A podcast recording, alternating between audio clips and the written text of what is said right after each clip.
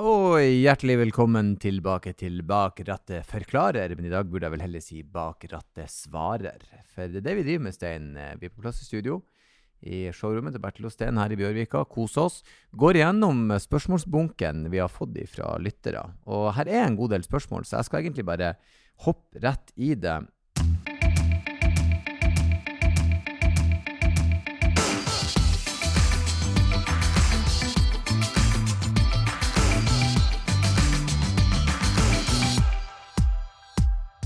Hvilke tanker har dere om longlife-olje?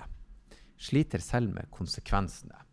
Der skal jeg være veldig eh, ærlig til å si at eh, longlife-olje Jeg er ikke sikker på om jeg vet hva det er for navn. Jeg, jeg, jeg hører ut ifra navnet hva det er, men har du mer kunnskap om det?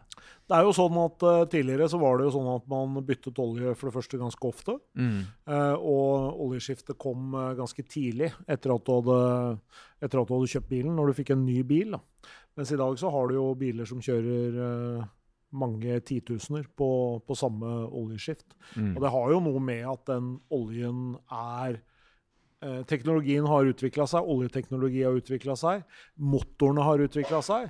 Og mitt råd er strengt tatt å følge de eh, Hva skal vi si instruksjonene som bilprodusenten gir. Fordi at vi må huske på at uh, bilprodusenter har brukt uh, mye penger, mye tid, på å utvikle dette her. Uh, og derfor så har de valgt å gjøre det sånn. Um, det er nok ikke sånn at bilprodusenter gjør ting fordi man skal komme sjeldnere innom verkstedet med en større risiko. fordi det er klart at det er sånn at skader som skjer på biler i løpet av de første årene pga. motorslitasje, det må jo produsentene betale. Mm. Det er jo ofte garantiting. Så, men, men følge opp. Og så tror jeg det er veldig lurt at man husker på å peile olje også på nye biler. Det er det mange som uh, ikke tenker på.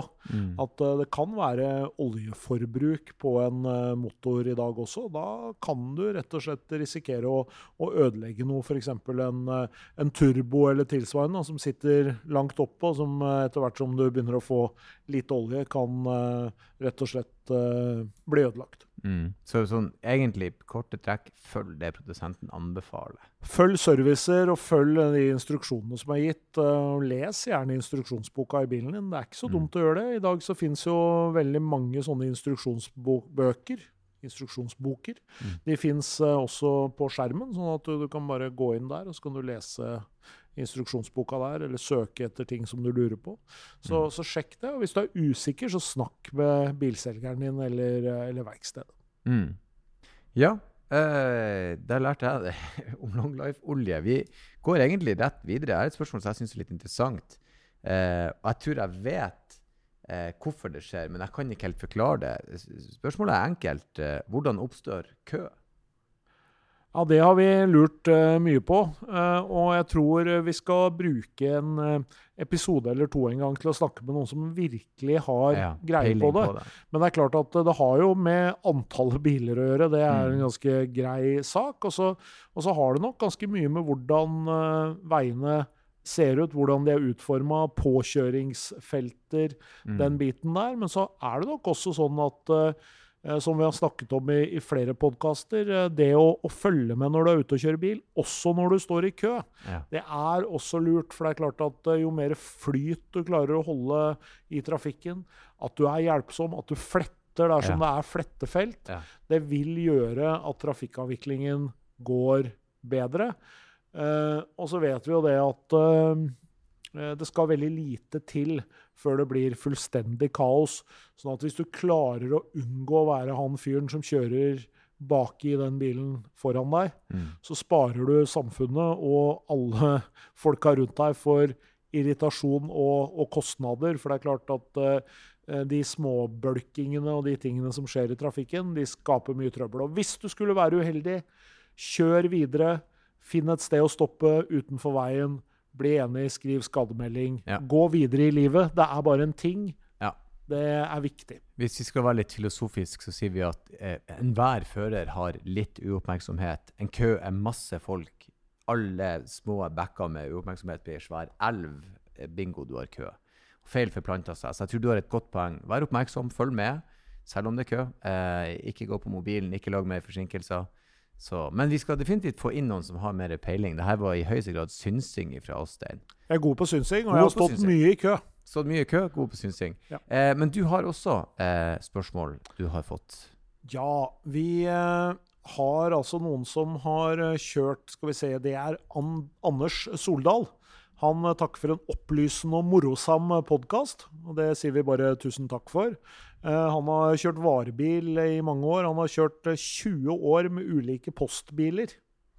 Og så sier han at han har kjørt veldig mye forskjellig. Han har kjørt Peugeot og Citroën, han har kjørt High Hi-Ace, han har kjørt Transit. Han har virkelig vært hele runden. og så sier han at han lurer på hva er det som kommer av varebiler, og når kommer elektriske varebiler med firehjulsdrift? Og det er jo et godt spørsmål. Og jeg er helt sikker på at uh, det kommer ganske snart. Jeg tipper at vi innafor uh, kanskje så lite som et, et par år, ja. så har vi gode elektriske varebiler med firehjulsdrift. Fordi firehjulsdrift og elektrisk er jo egentlig enklere ja. enn de systemene man har i dag, med mellomaksjer, kanskje en senterdiff, altså disse ja. tingene her sånn. Ja. Mens her kan man jo egentlig bare ha en elektromotor på foraksjeren og en på bakaksjeren, og så en, mm. en, god måte å snakke sammen. Mm. Så jeg tror at uh, han går lyse tider i mørk... I, lyse tider i møte. Jeg vil tro det. Ja. Der er jo allerede blitt eh, en, en, en, veldig sånn eksplosiv vekst på nyttekjøretøy som er elektrisk, fra å være ingenting til å være veldig mye. Ja da, og, og nå ser du at de eh, kommer nok videre med flere løsninger. Ja, og jeg vet at uh, flere av de merkene som han har kjørt nå, som uh, Citroën Berlingo eller uh, Peugeot Partner eller en Opel Combo, at de vil få elektrisk firehjulsdrift også etter hvert. Mm. Hadde du flere spørsmål? Nei, det var eh, den siste som jeg hadde i denne runden her, faktisk. Men da har jeg her eh, litt sånn eh, mer relatert til podkasten. Eh, hva er det gøyeste med å lage Bak rattet-podkasten? Oh. Har du lyst til å begynne? Ja, det er jo eh, enkelt. Det er jo gjestene. Det at vi har fått folk inn hit til oss som har sagt at eh, ja, jeg vil gjerne være gjest, men jeg har ikke noe forhold til bil. Jeg bryr meg ikke noe om bil. Jeg har ingenting med bil. Ingenting, ingenting, ingenting.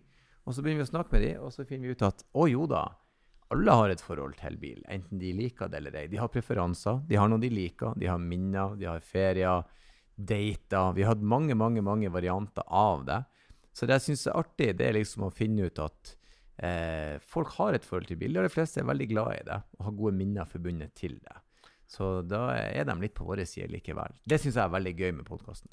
Og det var jo som uh, konsernsjefen i Bertel Osten, Harald Frikstad, som også ligger en uh, veldig bra episode mm. med i arkivet vårt, sa at poenget med at Bertil Osten skulle lage en sånn podkast, som ikke bare snakker om Bertil Osten sine merker, men som snakker om bilisme generelt, mm. det var jo også bilen. Det var mm. jo på en måte å, å, å fremsnakke bilen som en et, eh, et, hjelpemiddel, et eh, kulturelt fenomen, en, eh, en, glede. Altså den positiviteten rundt bil og, og, og transport, da, men som viser hvor viktig bilen er i, i samfunnet, og, og, hvorfor vi veldig mange av oss da, er veldig glad i bilen. Mm. Men hva er det gøyeste du syns med å lage bak dette podkasten? Jeg syns det er morsomt å høre historiene til folk som har opplevd noe spesielt med eller i bilen, må mm. jeg si. Mm. Jeg har ledd så jeg nesten har uh, ja, ramla av stolen. Og jeg har uh, sittet her med gåsehud og, og ståpels, og jeg ja, har, uh, har, vært helt på gråten. Så det er, ja, det er det rare, for det, det har vært muligheter. både trist, og det har vært fint, og det har vært spennende. Så alle varianter har egentlig kommet frem. Ja, og jeg anbefaler alle å bare ta et lite dypdykk i det ganske ja. store arkivet med, med podkaster som eh, vi har, og gjester. For jeg tror helt sikkert at du vil finne noen som du liker godt, og som du har lyst til å høre på. Og så utfordrer jeg deg til å plukke noen gjester som du kanskje ikke har hørt om før, ja. men som uh, ofte har vist seg å være noen av de aller fineste podkastene vi har laga. Ja da. Eh, og det kan vi faktisk dra videre til neste spørsmål som vi har fått inn her. Eh, hvem av gjestene har overraska dere mest, og hvorfor? Der har jeg en helt klar eh, Men du skal få begynne. Ja, med fare for å ta Nei, du, ja. Nei, det er, det er veldig mange gode gjester. Altså, jeg, det er nesten vanskelig å plukke ut bare én. Vi har Jeg må tenke litt, jeg. Jeg tror du kan få begynne. Vet du hva? Lilly Bendriss. Jeg trilla to seksere på Lilly. Det var en fant fantastisk bra episode.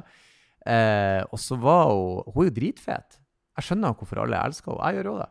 Og jeg, jeg, skal gladelig innrømme at før hun kom, så har jeg jo sett snippets på TV her og der og tenkt oi, hun er sikkert litt rar. Men hun er, hun er mo veldig morsom, tøff, sterk og gjort akkurat hva hun vil i alle år.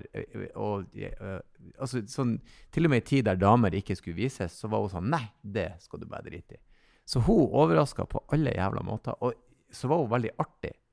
Hun sa veldig mye gøy. Så hun eh, eh kan jeg gjerne ta tilbake til 18. episode. Jeg vet jo at hun hører hva jeg sier nå før denne episoden er sluppet, med hennes evner, så hun håper jeg finner meg tilbake igjen. Så jeg har en, eh, den, hun overraska meg stort. Det var en kjempeepisode. Ja, jeg tror jeg skal plukke ei dame, jeg også, nemlig Karina Hollekim. Som ah, jeg syns var en uh, veldig sterk episode. Enorm. Ja, Men som uh, handla om mye mer enn bare bil, men som handla litt om uh, livet også. Men ja. som uh, var veldig sånn tett veva inn til hva man faktisk kan bruke bilen til. Og ja, hun hadde både veldig gode og ganske dramatiske og ikke så gode episoder med bil. Så det syns jeg også er en bra episode, men det er uendelig ja, morsom.